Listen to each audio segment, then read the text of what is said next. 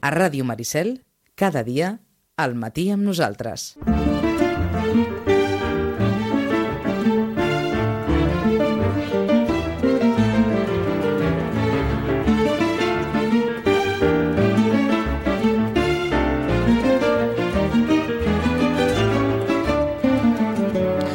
Dos quarts i mig de 12 d'aquest eh, dimecres, eh, primer de febrer, primer dia del mes de, de febrer, i com eh, més o menys cada 15 dies, cada 3 setmanes, eh, saludem des de Llorenç Llibres eh, de Vilanova i la Geltrú a la Rosana Lluc. Rosana, bon dia.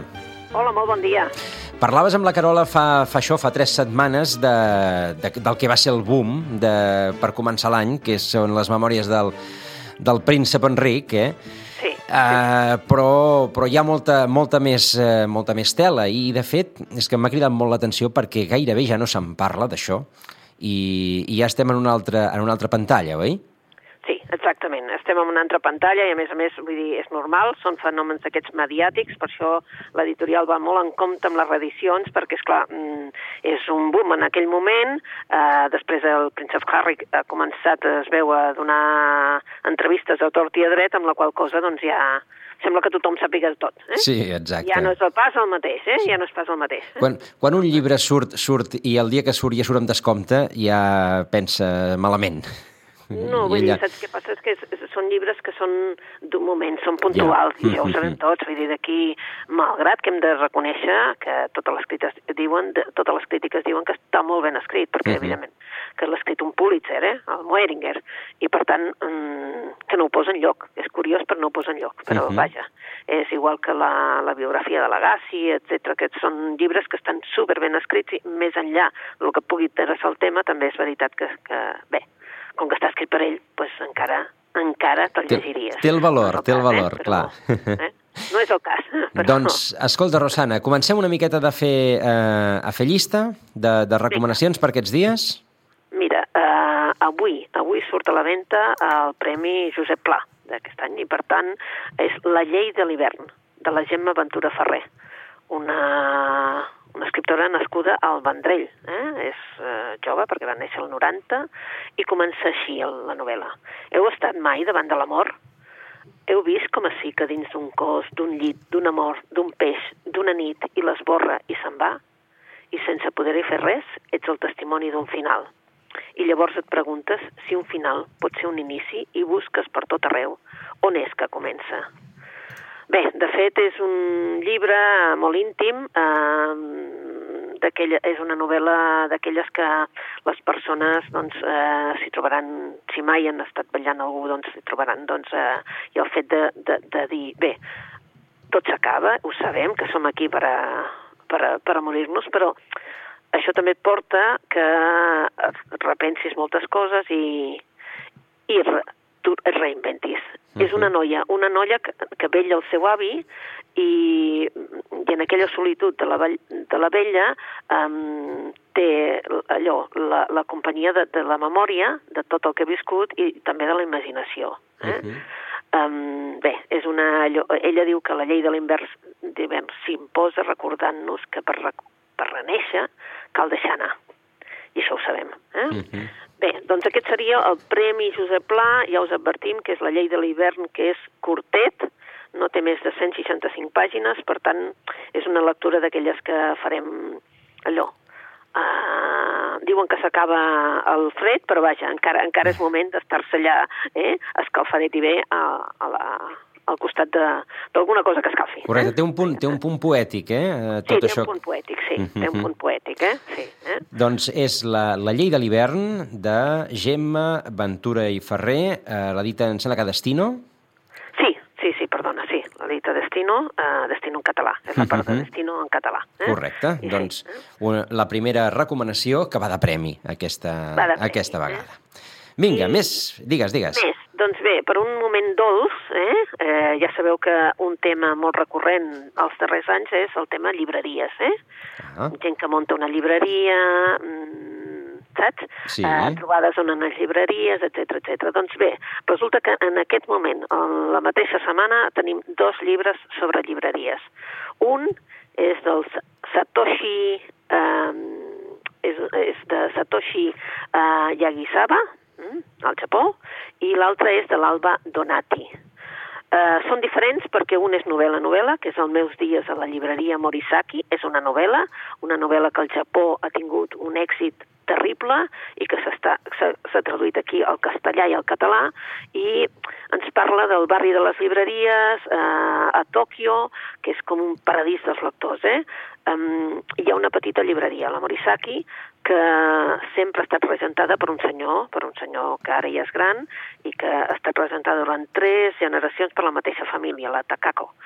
I allà l'oncle, que és un oncle excèntric, eh, sempre abocat als llibres, ara una mica, doncs, des de que la dona el va deixar, doncs encara més advocat, abocat als llibres, una mica desequilibrat, diguéssim, perquè dedica la seva vida als llibres, sobretot mm, des d'aquest abandó, i arriba a aquesta llibreria com un aire fresc, que és la Takako, que ell es troba en un moment molt dur perquè el seu nòvio, diguéssim, eh, l'ha abandonat per casar-se amb una altra persona i, per tant, eh, això ha fet que fos una persona doncs, eh, que no vol veure ningú, que ha perdut feina, que ho ha perdut tot, amics, feina, tot, i en aquesta espiral doncs, el seu oncle li ofereix anar a la llibreria perquè necessita eh, ajuda.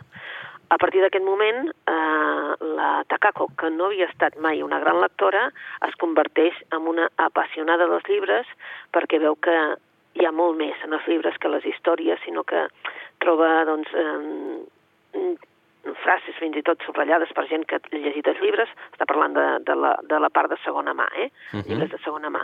I, clar, que, coses que podies gaudir a través dels llibres, és a dir, que és una, com una renaixença a partir d'estar en una llibreria.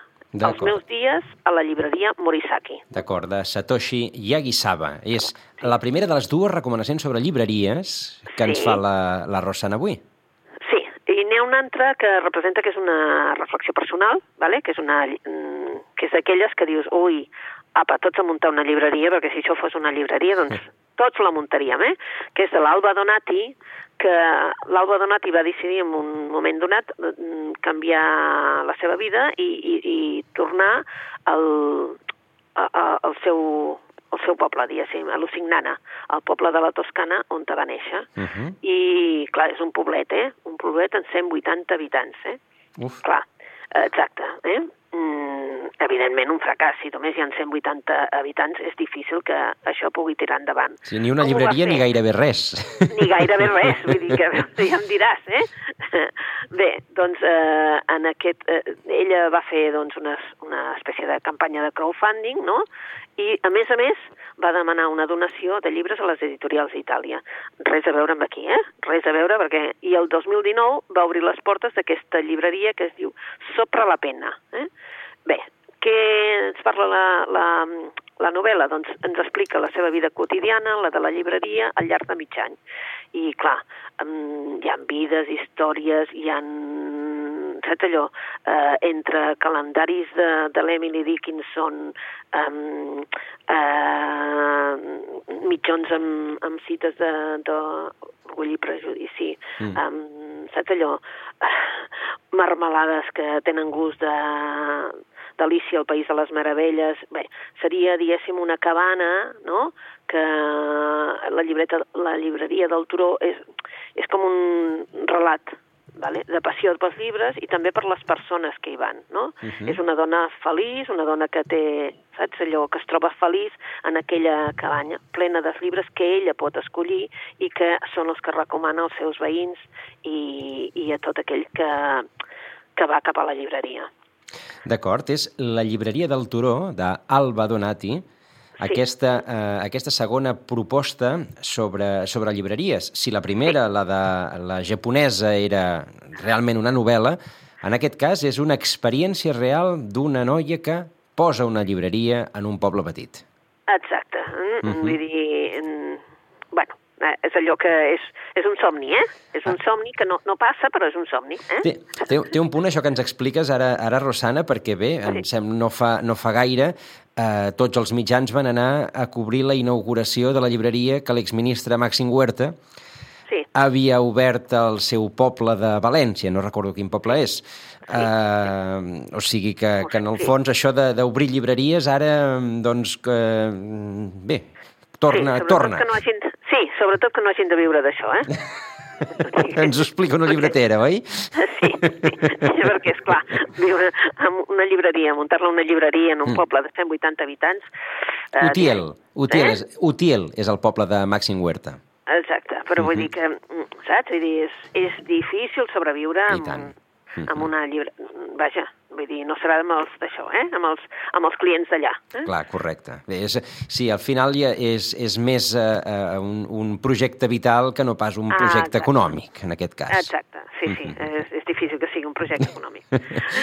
Vinga, doncs Vinga, ja doncs hem parlat de llibreries. fem- Saltem. Vinga, fem salts, saltem, saltem amb, una, amb, amb dos temes més, més seriosos, eh, en el sentit de que, eh, mireu el títol, um, s'ha publicat en castellà i també en català Com plantar cara a un dictador, de la. Maria Ressa, un Premi Nobel de la Pau. I el, el subtítol és La lluita pel nostre futur. Clar, aquí la Maria Ressa és una, és una directora de, de, de, pre- i presidenta de Rappler, que és una pàgina informativa de, del digital, digital de, de Filipines. És una, una noia que va, va, va créixer als Estats Units i, per tant, va estudiar a les millors universitats i després se'n va anar a Àsia durant 35 anys per parlar del que era allò. Evidentment ha estat arrestada pel govern de Duterte en moltíssimes ocasions, eh, eh, ha intentat sempre te tenir una premsa lliure i aquí ens explica això, com plantar cara a un dictador. Explica la, la història de, de com les democràcies eh, en aquest moment eh, estan vivint davant la, la violència continuada i, i la moralitat dels governants. No? Eh, hi ha aquesta amenaça invisible també d'internet que ens fa arribar imatges horroroses que, que la gent les està trobant com a molt normals, eh, campanyes a les xarxes socials condicionant el nostre futur. Mm, bé, mm, l'assalt del Capitoli, mm, el Brexit, eh, la ciberguerra russa, mm, Facebook i Silicon Valley, o sigui, eh, ella està posant eh, en judici tot el que s'està fent um, des del món digital per eh, donar-nos aquestes imatges i, en definitiva, eh, ens dona mm, mesures per plantar cara a un dictador. Uh -huh. Eh? D'acord. És, és un llibre, jo crec que necessari, Uh -huh. per això s'ha traduït al català i al castellà, i la Maria Ressa doncs, ens fa una reflexió dura. És un, Durant- és un bon moment per aquest tipus de, de reflexions, eh, doncs això, amb el que ha passat ara al Brasil, amb, amb tot, eh, amb, amb el que està passant a Ucraïna, és a dir, tot això que va, entenem, més enllà del que, del que s'explica en el llibre, però que també està, està relacionat. A veure, Duterte, Duterte no és eh, exactament un dictador, perquè al final el van votar, el que passa és que després eh, té o va tenir comportaments com a de dictador, i en aquest sentit, doncs, Exacte. la, aquesta mm, lectura que eh, la Rosana ens defineix com a necessària. Com plantar cara a un dictador, eh, a un dictador de la Premi Nobel de la Pau, Maria Ressa. I passem a un altre, un altre que també tornem a parlar de, de temes, diguéssim, eh, que, que, que tots veiem cada dia als noticiaris, però que el Paul Auster i el Spencer Ostrander ens parlen d'un país banyat en sangre. Mm, O sigui que tornem a estar amb el tema, vale? però aquesta vegada el Paul Auster és que eh, el Paul Auster quan tenia 10 anys ell confessa que com tot, tots els nens eh, jugava amb pistoles, pistoles de joguina, eh, imitant doncs, els, els, els, d'això de l'oeste, no? Uh -huh. I, eh, és evident. Però també va, va aprendre molt aviat que les famílies poden quedar destrossades per la violència, perquè la seva àvia va disparar i matar el seu avi i el seu pare només tenia, el pare del Paul Auster només tenia 6 anys. Evidentment, això el va afectar a la seva vida i a la dels seus fills, que seria el Paul Auster. Eh? Um, el debat sobre tenir una arma a casa o no, um, bé, um, sembla que no se'l plantegen gaire, perquè en aquests moments, això surt cada dos per tres en els noticiaris, de que hi ha més armes als Estats Units que persones tenen. O sigui, cada dia més de 100 persones moren per, eh, per causa d'una arma que, evidentment, no havia de tenir algú, no? Mm, per què és tan diferent als Estats Units i per què es converteix en el país més violent del món occidental si ells dirien que, es, que són com a ells es defineixen el pilar de la democràcia. Uh -huh. uh, bé, el Paul Auster, amb les fotografies de l'Spencer Ostrander, perquè és un llibre amb fotografies, barreja la biografia, anècdotes històriques i també eh, moltes dades.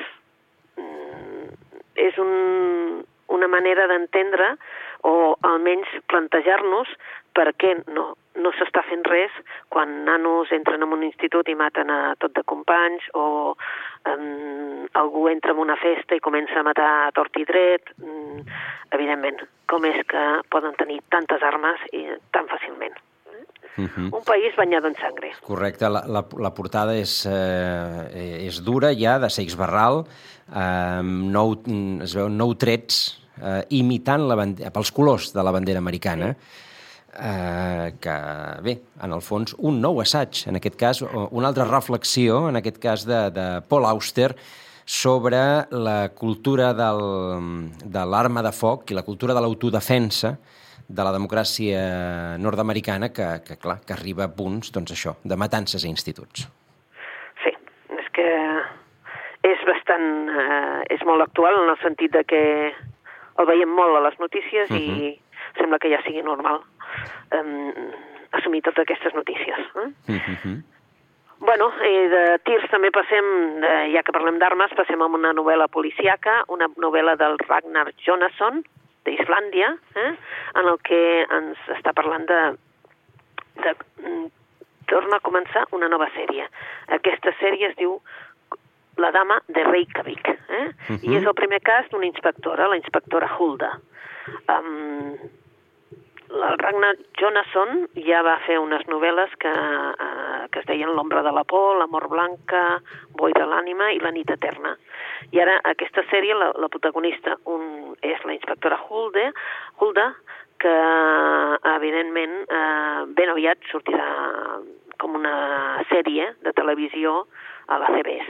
Eh? Uh -huh. um, és un autor um, que és molt, molt conegut fora de casa nostra, a casa nostra també, perquè s'ha publicat en castellà i en català, però en aquest cas la dama de Reykjavik, eh, aquesta nova inspectora eh, que representa que és una de les millors investigadores de la policia de Reykjavik, um, quan encara no ha fet 65 anys, el seu cap pretén jubilar-la abans d'hora, perquè ella no es vol jubilar. Uh, la Hulda ho ha donat tot per la seva carrera i això de deixar la feina doncs no el té clar. Um, bé, uh, una mica per, entre... per tenir-la entretinguda, el seu cap l'autoritza a reobrir un cas que hagi quedat sense resoldre i a partir d'aquí doncs, uh, la Hulda no ho dubta. Uh, vol saber què va passar amb una noia russa que van trobar morta. Uh -huh. um, de fet, és un cas que no, no es va aclarir mai i, per tant, ara la Hulda, ja a prop de la jubilació, doncs s'encarregarà personalment amb un sol objectiu. Evidentment, que és eh, trobar la veritat. I té pocs dies, pocs dies per aconseguir-ho, però, evidentment, per això es diu comença el compte enrere la dama de Reykjavik. Eh? El, uh, aquesta novel·la negra, novel·la negra uh, nòrdica, que, és la, que són les que, les que més uh, captiven, oi? Sí, sí, sí. La veritat és que agraden molt al públic. Uh, hem de dir que, que el fred d'Islàndia, el fred de, el fred d'allà, això de que les tardes siguin, saps, molt, o sigui, que, que no hi hagi tarda, diguéssim, com que uh mhm. -huh. hi ha poca llum, etc etc, doncs fa que doncs, els casos, mm, vull dir, siguin molt diferents dels nostres, vull dir, les hores en les que s'aixequen i les hores en les que, diguéssim, ja retiren, també són molt diferents, i per tant, potser això és el que també ens agrada d'ells. Sí, eh? sí, i tenen més nits, sobretot a l'hivern. Ah, això, que, de, molta eh? nit. Molta hora molta de foscor nit, eh? que, que permet fer molt moltes, eh, moltes coses. Doncs avui amb la, amb la Rosana que hem repassat aquestes, eh, aqu aquestes recomanacions, començant per un premi, el Premi Josep Pla d'enguany, la llei de l'hivern de Gemma Ventura Ferrer, Uh, dos obres al voltant del món de les llibreries, que, diguem, uh, doncs està agafant un, també una, una, certa, una certa volada. Per una banda, una, una japonesa, de uh, Satoshi Gigasawa, uh, Els meus dies a la llibreria Morisaki, i, per altra banda, la eh, llibreria del Turó, que és eh, l'experiència vital d'Alba Donati, obrint una llibreria en un petit poble de la Toscana també ens, eh, ens proposa dos assajos. Per una banda, eh, com plantar cara a un dictador de la Premi Nobel de la Pau Maria Ressa i, per una altra banda, un país banyado en sangre, un relat eh, contra les armes de Paul Auster amb fotografies de Spencer Ostrander.